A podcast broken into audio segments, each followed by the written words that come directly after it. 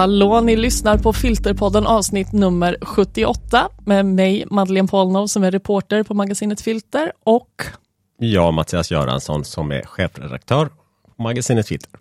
Ja, och jag har tvingat Mattias att hålla tyst i en halvtimme här på morgonen för att jag skulle se klart Uppdrag gransknings senaste program. Det var svårt för dig mm. att inte börja prata om de här programmen innan jag hade sett klart det. Ja, ja alltså, jag är ju eh, ibland en ganska verbal person. Mm. Så vill man dela olika upplevelser med andra människor. kommer liksom med svagheten. Och, eh, och, ja, så ville inte du det. Du hade inte sett färdigt det som du skulle göra. Nej, precis. Och eh, ja, jag fick bara helt enkelt liksom sätta mig på händerna och knipa käft ett tag där. Ja, men nu ska vi släppa lös Mattias Göransson som ska få eh, berätta om sina tankar kring Uppdrag granskning senaste program. Du kan väl bara börja med att berätta, det här är ju tredje delen i en serie som Uppdrag granskningen har gjort som de kallar Skuggkriget. Just det, det är ett jättestorslaget samarbete mellan eh, islänningarna inte med, men annars är det public service i Norden. Så det är Finland, Danmark, Norge och Sverige som har samarbetat om den här stora, uppenbarligen svindyra produktionen. Mm.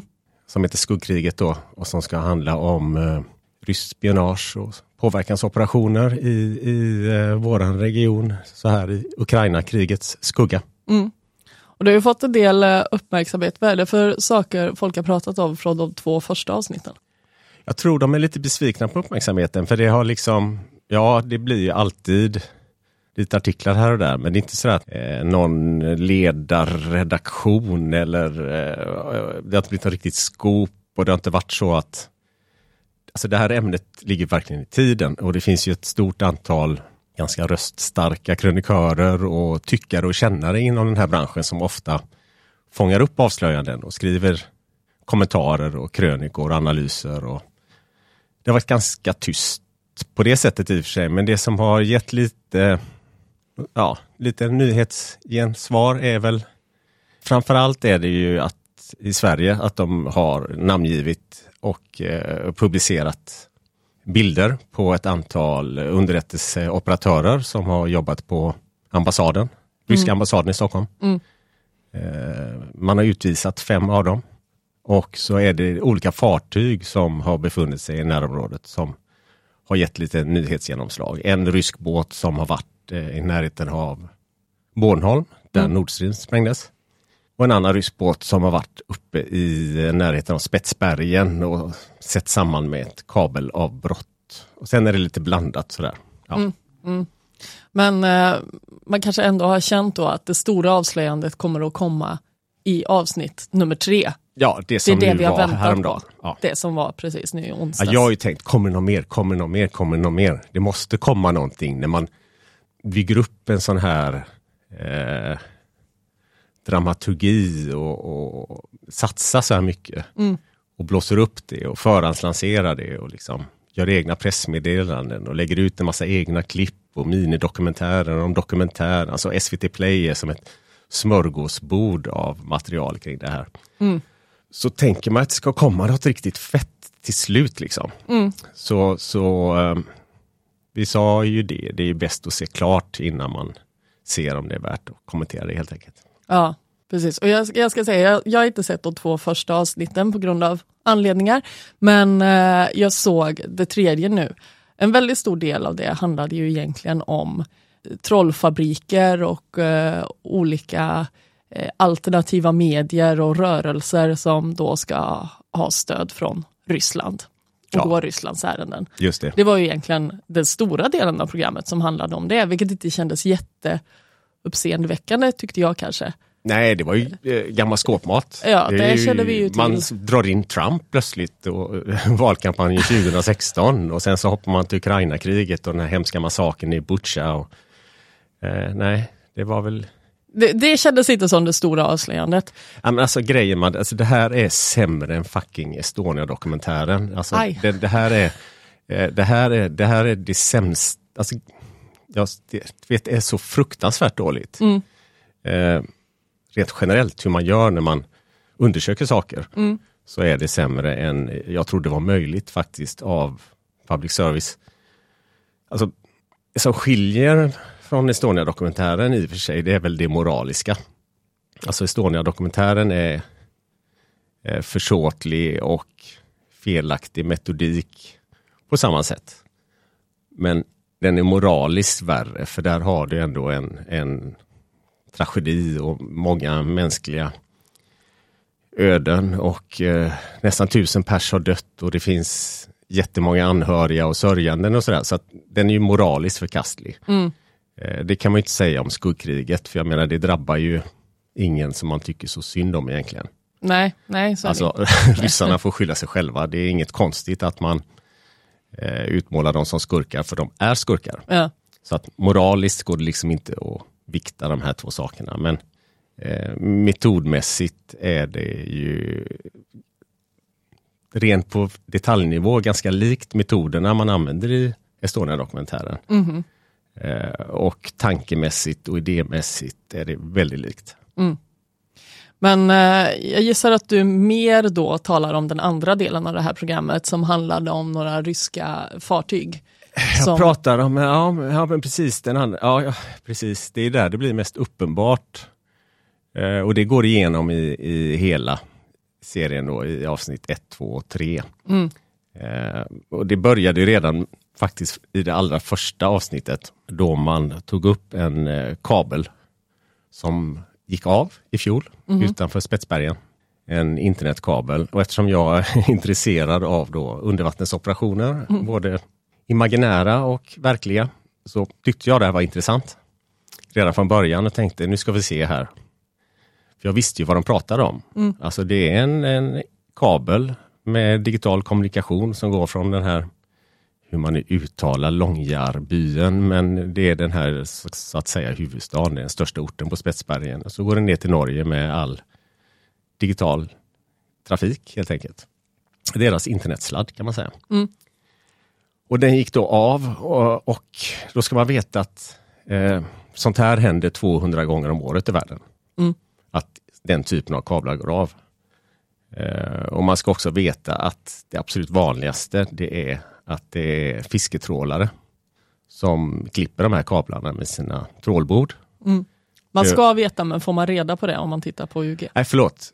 Nej, det Nej. får man inte reda på. Nej. Mm. Okej. Men vad, det som jag går in i programmet med det är den kunskapen. Mm. Att det finns 1,4 miljoner kilometer sån här kabel Mm. på planeten. 200 går av om året. Över 40 procent av dem går av för att en fiskebåt har klippt dem. Mm. Över 20 procent går av för att det är ett ankare från andra båtar, civila båtar. De är rätt känsliga helt enkelt de här kablarna och de går sönder stup i kvarten. Så jag, så jag tyckte det var intressant att läsa om det här kabelbrottet redan i fjol när det hände. För att på grund av kriget i Ukraina så blir det en sån här skräckeffekt i omgivningen när man blir rädd för saker, att kan ryssarna vara inblandade? Så att det blev väldigt snabbt spekulationer Mm. i fjol. Och sen visade det sig att det var en eh, fisketrål som hade klippt kabeln. Mhm. Så polisen la ner utredningen och det där var bara jada jada liksom. Okej, och då tittar vi på skuggkriget och då börjar den. Och det är fräck musik och det är dramatiskt. Vi är uppe där i jättefina bilder. Drönare och allt och det är liksom polarlandskap och man berättar om den här kabeln, den är så viktig och den har inte bara liksom, telefonsamtal och vad folk googlar, du vet, utan den rymmer också spännande forskningsinformation och den rymmer militär information. Som alla internetkablar. Ja. Eh, och därför då så var den av intresse för främmande makt förklarar de. Mm.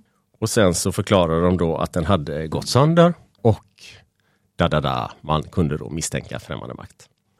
Och sen gör de då en väldigt stor affär av att de hittar en eh, person Mm. som har som hobby att följa fartygs eh, positionsangivelser. Aha. Han har byggt ett datorprogram där han följer de här och ser hur de rör sig. Så kallade AIS-signaler. Eh, och så säger han att ja, det var en, jag vet ingenting om fiske, säger han. Det är det första han säger faktiskt. Jag vet ju ingenting om fiske, men jag tyckte det var väldigt mystiskt hur en rysk eh, trålare hade rört sig här kring kabeln.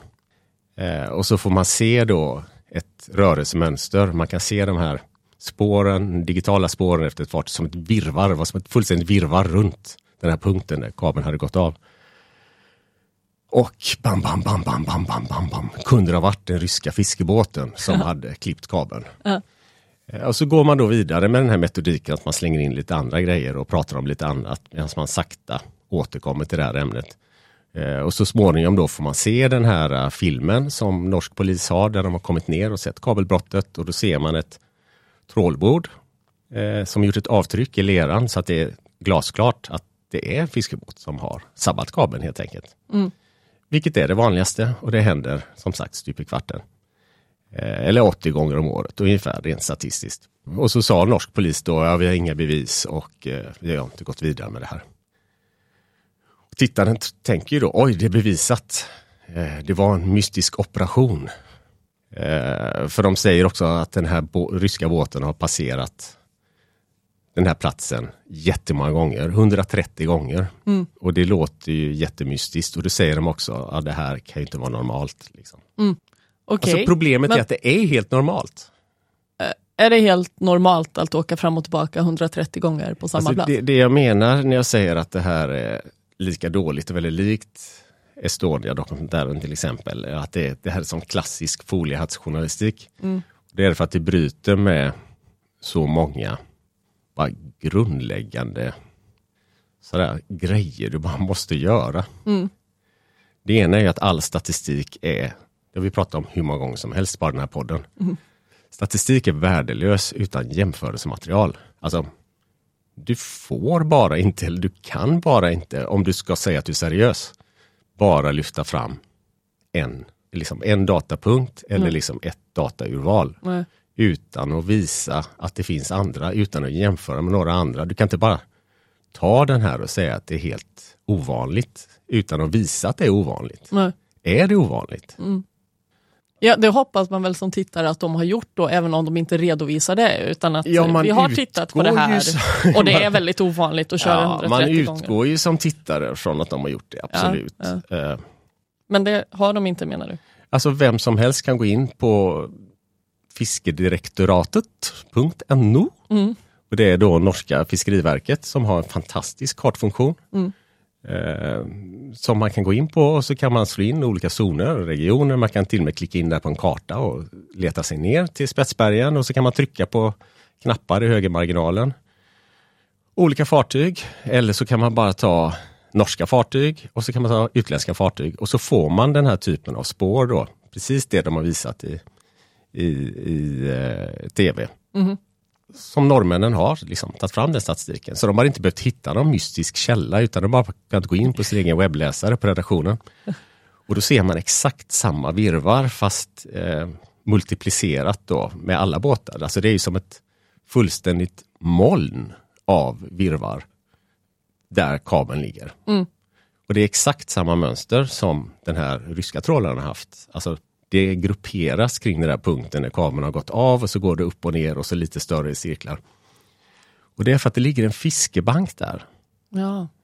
Alltså det är den plats i närheten av Spetsbergen där Mm. både norska och ryska trålare och andra trålar efter fisk. Dumt att lägga en kabel där från Och början. då åk, ja, det, det är väl det som är grejen. Varför la de kabeln där? Eller varför grävde de inte ner den djupare? Ja.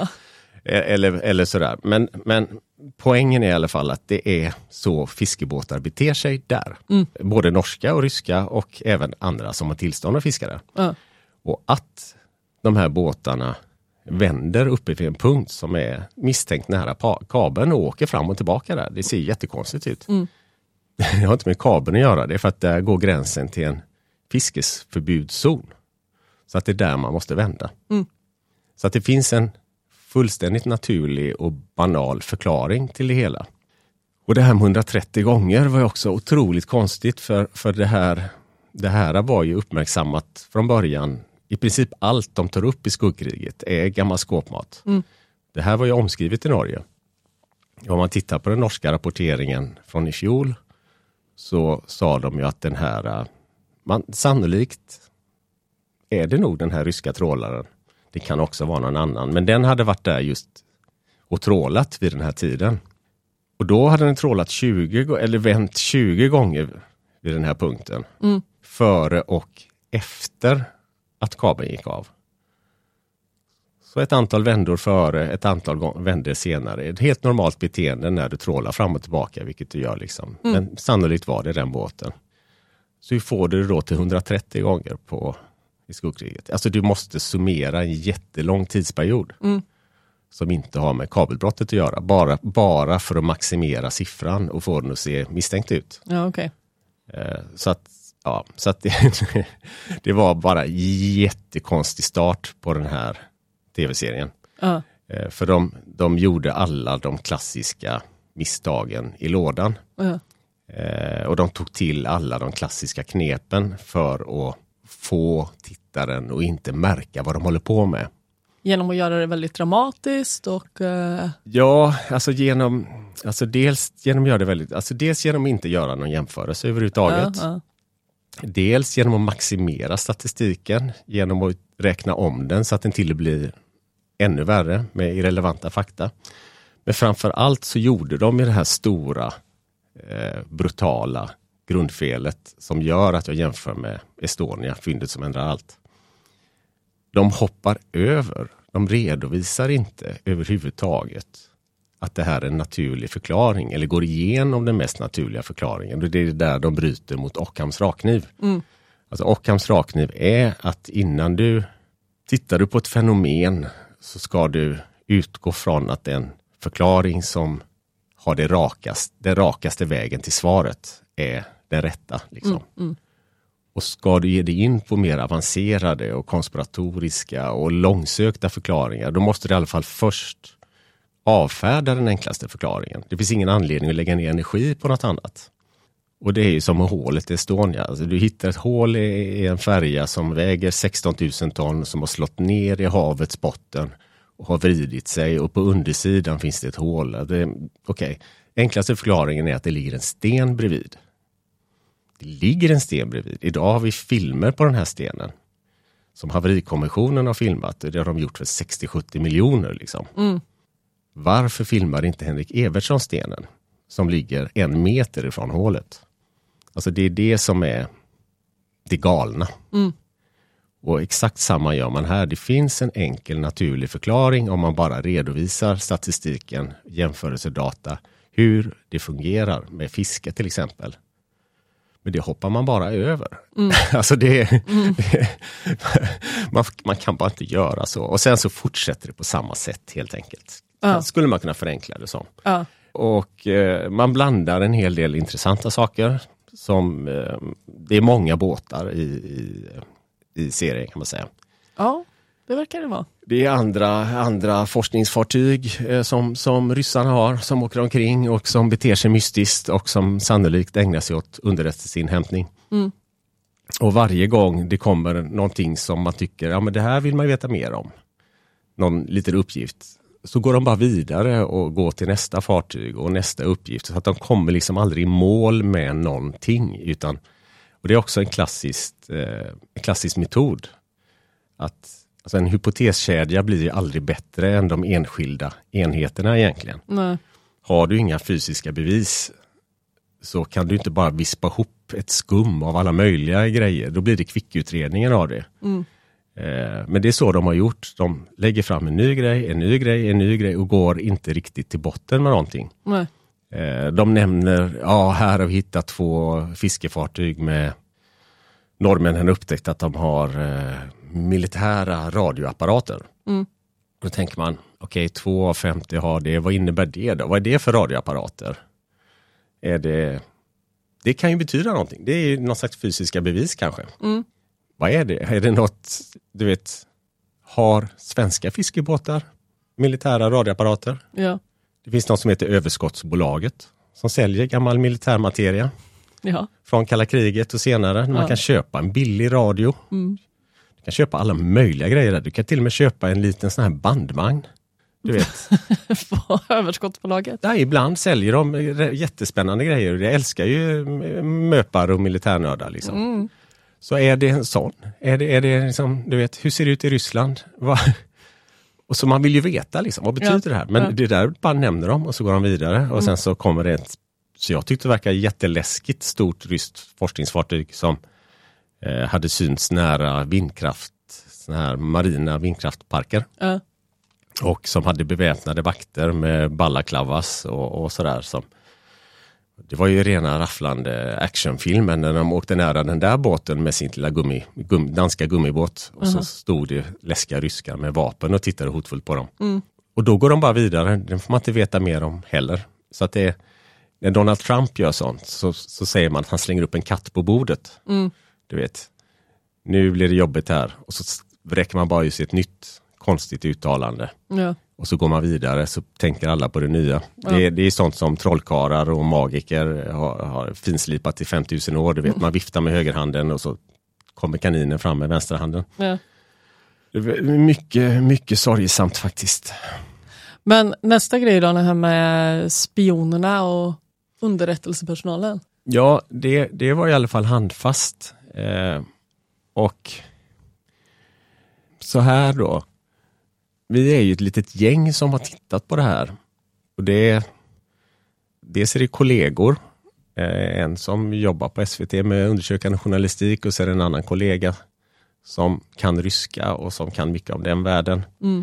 Sen så får man ju så mycket kontakter som journalist och gammal gubbe. Har man liksom bakat ihop en del. Så jag har ju kontakter som pensionerade från kontraspionaget. Som har jobbat med kontraspionage i Sverige. Eh, kontakter som jobbar inom Försvarsmakten. Folk som jobbar med just fiske, eh, oceanografi, eh, tjuvfiske, vet hur trålare rör sig. Så att när det här programmet, de här programmen har sänds så har det liksom varit som en liten grupp av människor som har, sitter och skickar massa sms tillsammans och faktakollar olika saker. Så det blir som en faktakoll i realtid. Så det blir ett ganska absurt sätt att se på tv. Ja. Eh, bara som bakgrund till de här spionavslöjandena. Alltså det de gjorde, SVT, var de eh, hade en, eh, det var en källa som hade lämnat över en lista med eh, namn och eh, eh, uppgifter om vilka ryska olika underrättelseorgan de här människorna var knutna till eller tidigare jobbat på eller blivit utbildade vid. Det var ett antal personer, över 20 om jag inte minns fel, jag tror det var 21, på ryska ambassaden som hade tillhört eller numera tillhörde eller hade utbildats vid olika här, GRU, SVR, det är en massa förkortningar helt enkelt. på Det finns en massa underrättelseorgan. Och detta eh, gjorde man en jättestor grej av. Sen så låg SVTs eh, kameraman och eh, smygfilmade och fotograferade en massa ryssar som kom och gick från ambassaden. Så att man fick eh, namn, eller man fick ansikten till de här namnen. Så de kunde visa, så här ser personen ut, det här heter han och den här organisationen kan han knytas till enligt våran källa.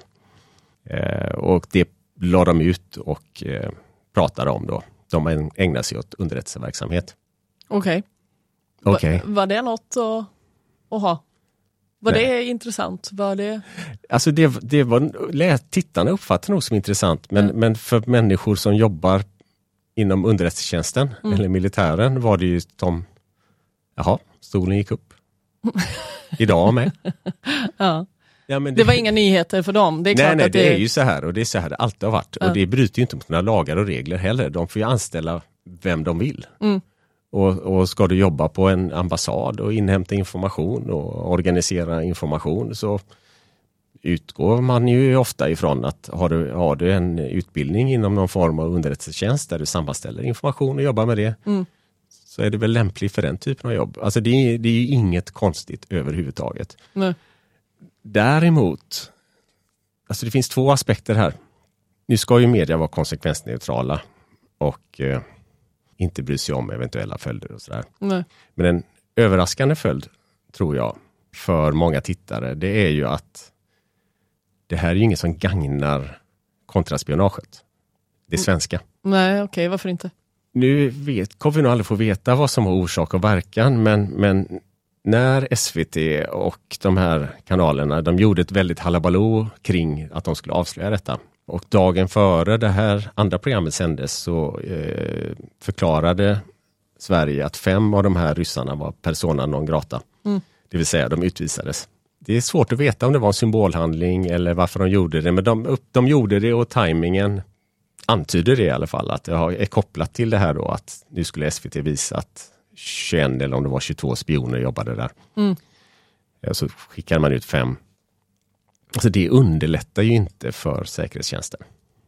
De hade ändå redan koll på de, De här har ju betongkoll på Ja. varenda ryss. Och, och det är ju bra om det är samma ryss som du just vet hur den ser ut och vad den heter och var den kommer ifrån. Mm. För det som jag tror att många inte tänker på det är ju att samla in information är ju inte olagligt. Mm. Så länge det följer Sveriges lagar och regler och det, den information de samlar in inte är hemlig. Mm. Utan det är därför man har ett kontraspionage. Man håller koll på dem, man avlyssnar dem på alla sätt man kan och försöker nästla sig in i deras värld så att man kan följa dem på olika sätt. Eh, så att man när de gör någonting som är olagligt och som vi vill stoppa så kan vi göra det. Eh, och då händer ju det att man måste dokumentera bevisningen, man går med den till, det är ju en polisverksamhet det här. Säpo är ju en del av Polismyndigheten. Man visar det för en åklagare och så gör åklagaren en bedömning att ja, det här räcker för att begära en så kallad PNG.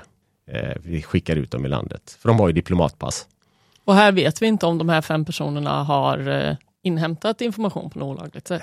Alltså det som gör det hela komplicerat då är ju att, att de fanns här, men det fanns grunder för att PNG dem. Det, det tror jag inte man gör. Alltså jag, tror inte de, jag tror inte man kan lyckas göra det i en rättsstat som Sverige utan att ha något på dem. Så de har gjort någonting. Men av någon anledning har de inte skickats hem tidigare. Mm. Nu är det spekulationer och jag pratade med den här kontraspionageveteranen om saken. Alltså, det antyder i alla fall att de har gjort någonting som man ha på dem. Men man har ändå inte skickat hem dem. Och det antyder då att man är så nöjd med att man har koll på dem. Man har lyckats infiltrera deras värld. Man kan studera dem när de gör saker som de inte ville avslöja det.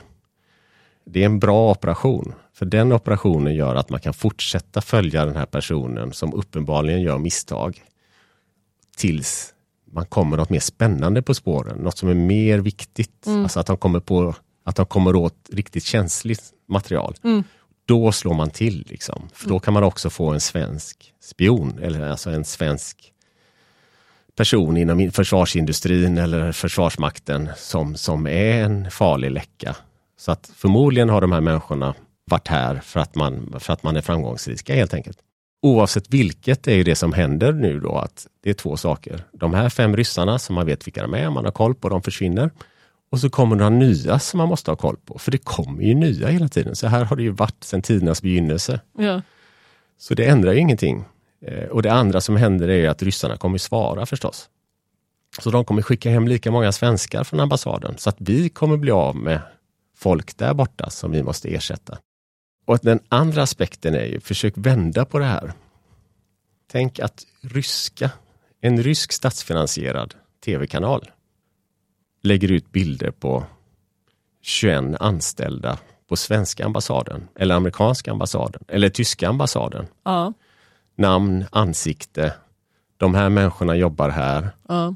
Den här kommer från tolkskolan, den här har tidigare jobbat på Polismyndigheten, den här kommer från MUST, den här tillhör det svenska militära organet, bla bla bla. Den här, du vet. Vad hade vi sagt om det? Det hade ju eh, känts olämpligt och lite hotfullt nästan. Man har kallat det för trakasserier. Mm. Eh, det här, ja, du vet, det är en väldigt märklig eh, det, är en, det är ett väldigt märkligt beteende. Mm.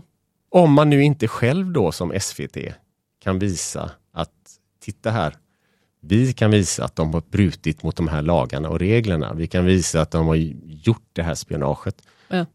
Men det enda spionaget de lyfter fram då, återigen med den här trampmetoden, slänga fram en katt på bordet. Det var ju också gammal skåpmat. Det var en, en, eh, en ingenjör som åkte dit häromåret för några år sedan för att ha säl, sålt programvara eh, Mm. för självkörande bilar Mhm. till en tjänsteman på ryska ambassaden. Eh, och det var ett jättehalabaloo. Eh, och där, eh, det var så klumpigt skött. Var, De träffades på en restaurang på Kungsgatan i Stockholm och Säpo fotograferade dem och släppte bilderna till media Mm. rätt omgående. Så att det gick att lansera som en ganska stor framgångs, eh, his, framgångs liksom, saga. Säpo hade koll på detta och kunde släppa bilder och sätta dit någon på bar gärning för spioneri. Mm. Och vi har inte så många spionaffärer i Sverige så det blir, den blir jätteuppmärksammad och folk tyckte den var spännande för att wow, spioneri.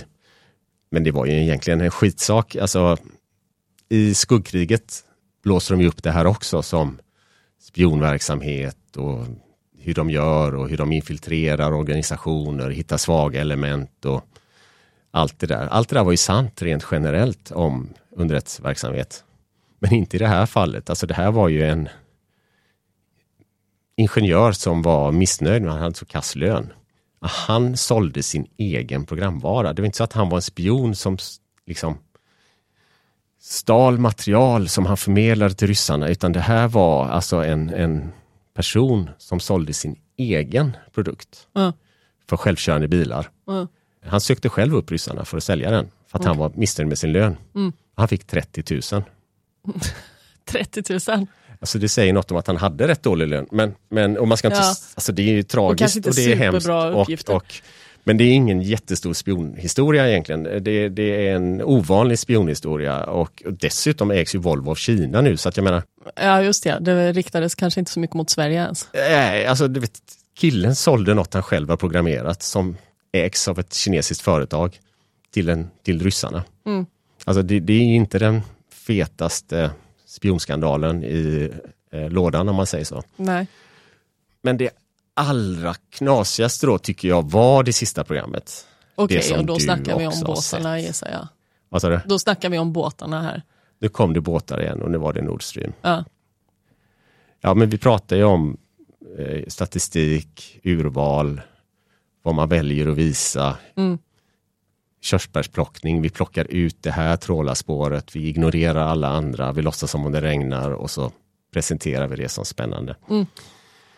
Det sista programmet då, det handlade om Nord Stream. Ja. Och eh, det handlade då om att eh, en källa som har varit med tidigare, det är en, då en pensionerad, han är anonym, det är också alltid ett problem tycker jag, Mm. när man har de anonyma källorna. Och eh, han är pensionerad före detta underrättelseofficer inom den brittiska marinen presenteras han som. Och så kommer han med olika uppgifter. Han är också en sån här person då som, som hobby följer eh, digitala och andra spår efter fartyg som rör sig. Men då ska man också ha koll på eh, alltså pensionerad underrättelseofficer inom den brittiska flottan. Mm. Alltså det låter ju ändå top notch på något sätt. ja, det tycker jag. Men då ska man veta hur det där systemet ser ut. Alltså, alltså de som underrättelsevärlden är ganska lik, Sverige och Storbritannien är ganska lik. De som har bäst koll på oljan det är FRA i Sverige, GHCQ i Storbritannien. Det är de som följer eh, digitala eller andra fysiska spår. Liksom. Mm. De registrerar exakt, de mäter data, de håller koll på grejer på riktigt. Det finns så stort utrymme för misstag där. Alltså det är inte människor som pratar, det är inte ljumint utan det är liksom råfakta. Så de vet var båtar finns och de analyserar det. De vet var varenda militärt förband finns och vad de håller på med. Så att liksom högst upp i det här systemet, de som vet mest och kan mest och har mest koll på oljan, det är liksom de. Sådär. Ja. GHCQ, FRA. Ja. Sen kommer sp- utrikesspionaget där man har samlat de bästa eh, som inte jobbar med signaler. MUST i Sverige och MI6 i Storbritannien. Och så en nivå under har du kontraspionaget som också håller koll på ryssarna. Mm. Det är Säpo i Sverige och MI5 i Storbritannien. Och sen längre ner där, liksom, division 4, eh, så har du då massa vapenslag, marinen, flottan, flygvapnet. För att de ska genomföra sina operationer så har de underrättelseofficerare Mm. som samlar och förmedlar information och är ganska operativa när man gör olika saker Mm. eh, på fältet helt enkelt. Så att den här källan är en pensionerad kille från fjärde divisionen. Okej. Ja. Ja. Och han har spännande uppgifter. Det de tar in honom för att, att, att kommentera det är liksom VM-finalen. Mm. Nord Streams sprängning. Mm. Så att redan där är det någonting som gör att man sådär, okej, vi har en pensionerad officer från flottan här brittiska flottan dessutom. Som har spännande uppgifter om det fetaste som hänt Mm. i, i vår närregion, nämligen sprängningen av Nord Stream. Så att man ska nog redan från början där som journalist tänka att vad fan ska vi dra in honom i skiten för liksom? Ja. Det här är våran hemmaplan. Mm. Eh, Det här är det största som hänt i Östersjön. Men okej, britterna finns mycket här och det är väl det källan vi har, så visst, ja, visst vi lyssnar vad han har att säga. Mm. Och då presenterar man återigen sådana här äh, spår då. En karta, man visar hur ett fartyg har rört sig i Östersjön. Och eh, det är då ett så kallat forskningsfartyg. Ett ryskt forskningsfartyg. Eh, Och det vet man att forskningsfartyg, ryska forskningsfartyg, precis som sovjetiska, de används i dubbla roller. De utför oceanografisk forskning och de används till militära ändamål. Mm. Och här hade de dessutom uppgifter om att det här fartyget eh, hade använts ihop med marinen, bland annat för att lyssna på ubåtar, säger de, har de uppgifter om. Mm. Eh, Och det låter rimligt. Alltså de har ju bra sonarer och bra lyssningsutrustning, forskningsfartyg. Så de kan ju lyssna på det och, och bedöma liksom undervattensverksamhet förmodligen. Ja. De gjorde också en poäng av att det här fartyget hade en stor kran. Ja. Det har alla forskningsfartyg, som jag känner till i alla fall, av en viss storlek. Mm. För att lyfta i och, och sätta i land och lyfta upp utrustning. Mm. Ibland behöver man bara kranen för att lyfta i land käk från, från kajen och till förrådet. Liksom. Men Mm. En kran har man. Mm. Den här kranen var så pass stor att den skulle kunna lyfta upp en, en ROV, en eh, obemannad undervattensfarkost. Mm. Det använde både forskningsfartyg och andra, så det var inte heller någon konstig uppgift. Däremot så hade de inga bilder eller några uppgifter om att den faktiskt hade en sån farkost Nej. vid det här tillfället. Nej. Nej, det den hade att den kapacitet. kunde ha. Ja, precis. Mm. Kunde ha, den Mm. hade kapacitet att lyssna, den hade kapacitet för det här. Mm. Det är något helt annat än att den verkligen hade det. Ja. Den har i alla fall rört sig då eh, i början av juni. Eh, så hade den rört sig från Sankt Petersburg och ut mot det här området där Nord Stream så småningom sprängdes. Dessutom hade en rysk ubåt åkt ut i början av juni. Mm. Och så hade de varit borta vid det här området söder om Karlskrona och öster om Bornholm en bit in i juni. Och så fanns det dessutom ett annat fartyg som hade kommit till samma område eh, en vecka senare. Och det tyckte de var jättemystiskt och presenterade som jättemystiskt. Mm. Och eh, som närmast var den ena båten eh, tre kilometer från stället där Nord Stream ena explosionen hände så småningom. Så att redan här är det ju ganska svagt. Ja. Eh, en båt har rört sig i närheten och vid en av punkterna har den varit tre kilometer ifrån. Och det, är, det är väldigt vagt, den har kapacitet, man har inga bevis. Nej. Eh, Men de här uppgifterna går man då vidare med och eh, kontaktar en, en eh, riktig expert, får jag nog säga, H.I. Sutton. Det är en underbar nörd, jag har haft kontakt med honom några gånger. Alltså han, är, han är som ett levande lexikon eh, vad det gäller just sovjetiska, historiska men också ryska eh, marina farkoster liksom, och, och konstiga prylar de har hittat på, miniubåtar och sånt där. Och olika operationer. Och så får han titta på det här äh, rörelsemönstret i förhållande till Nord Stream och sådär. Och då tycker han ju att ja, det här ser ju konstigt ut. Liksom. Vad, Ja. varför har de varit där? Och, sådär. Mm. och jag... Ja, men, Vad?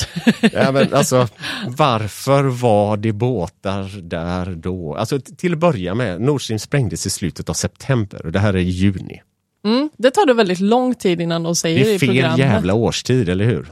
Det är ett kvartal ifrån. Ja. Ja, okej. Whatever. De kanske släppte ner någon bomb då, vem vet. Men det, det är ett kvartal fel. Ja. Ja, men och vad hände i början av juni då som gjorde att olika fartyg kunde röra sig? De visar bara det här fartyget och en annan båt. Jag vet inte, vad hände? Alltså det här sammanfaller med den största jävla marinövningen NATO någonsin har haft i Östersjön. Ja, Kanske inte någonsin har haft, men det är den största i modern tid. Det är Baltops 2022. Alltså det dominerade svenska medier hela juni. Alltså det, vet, det var tv-sändningar när, här, Ja. när, när amerikanernas hangarfartyg kom till Stockholm och visade upp sig. Då var det folkfest på kajen och sådär. Just det. Och sen Det så här har jag ett svagt minne av nu faktiskt. Ja.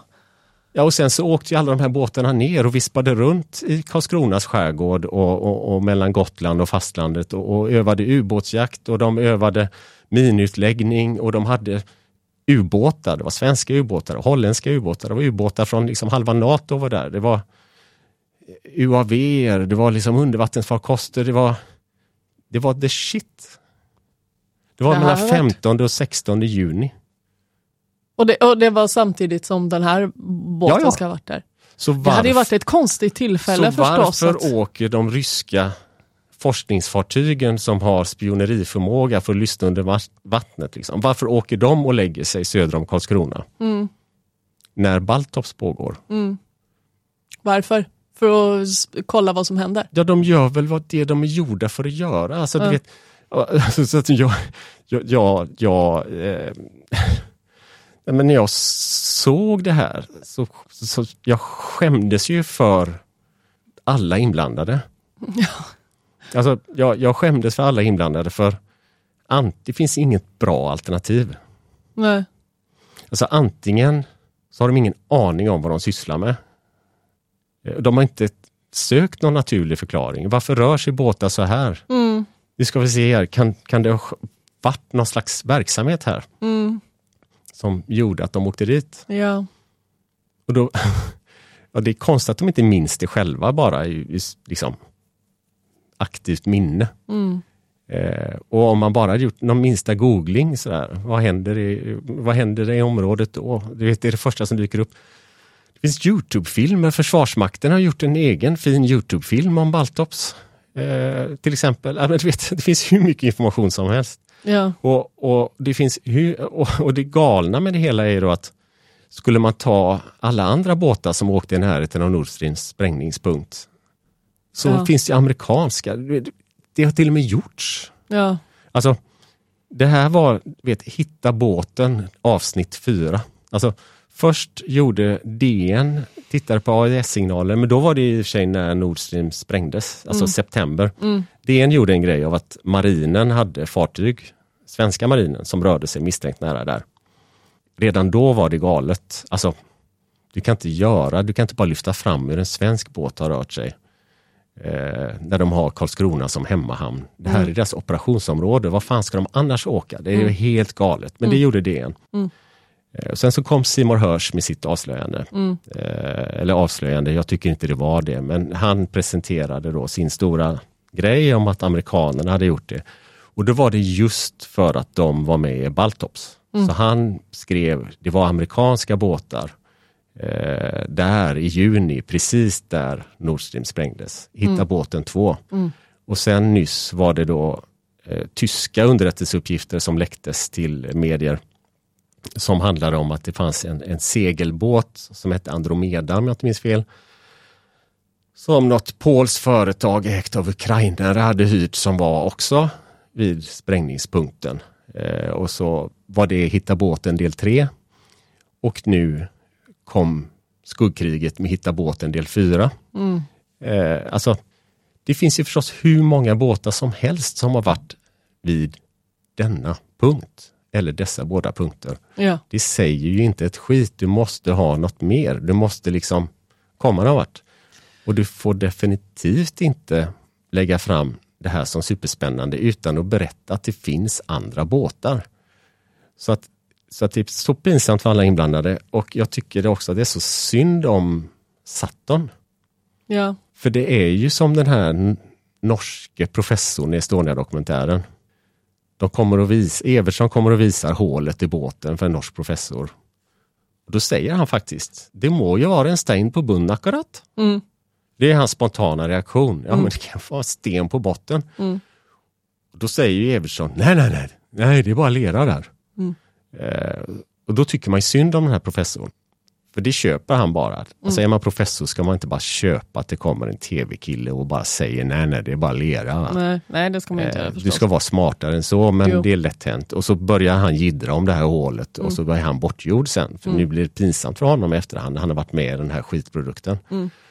Och nu kommer då eh, journalister till Saturn och visar det här spåret och i förhållande till Nord Stream. Och det är naturligtvis så att Saturn förutsätter ju att de har väl kollat om det finns någon anledning för en båt att vara där. Mm. Så han uttalar sig utifrån den premissen. Men hade de sagt till honom, okej, ja men du kanske minns Baltops? När det var eh, 40 fartyg från olika NATO-länder och Sverige Mm. som vispade runt där nere. Eh, då var det ett ryskt eh, forskningsfartyg som kan lyssna på undervattensljud där. Mm. Hur mystiskt tycker du det är? Mm. Ja men då hade han ju bara skrattat. Så att det här undanhållandet av relevant information Ja. eller förklarande information, den enklaste förklaringen. Mm. Den naturliga och enkla och självklara förklaringen. Mm. Alltså, man kan återigen inte hoppa över den. Nej. Och om man hoppar över den, då måste man först i alla fall redovisa den för tittarna. Och så måste man förklara, okej, det här är en naturlig förklaring, men av den här och den här och den här anledningen så menar vi att det här ändå är mystiskt. Mm. Det här var lite nedslående måste jag säga. Alltså jag reagerade ju på det att, att de bara visade vad just det här fartyget hade gjort. Det reagerade ju jag på. Jag kommer inte ihåg att, Urvalsbias. Ja, men precis, det, det var ändå okej. Det, här, det, det, det var ett konstigt sätt att presentera den här informationen på, att bara berätta vad, hur det här fartyget hade åkt just då.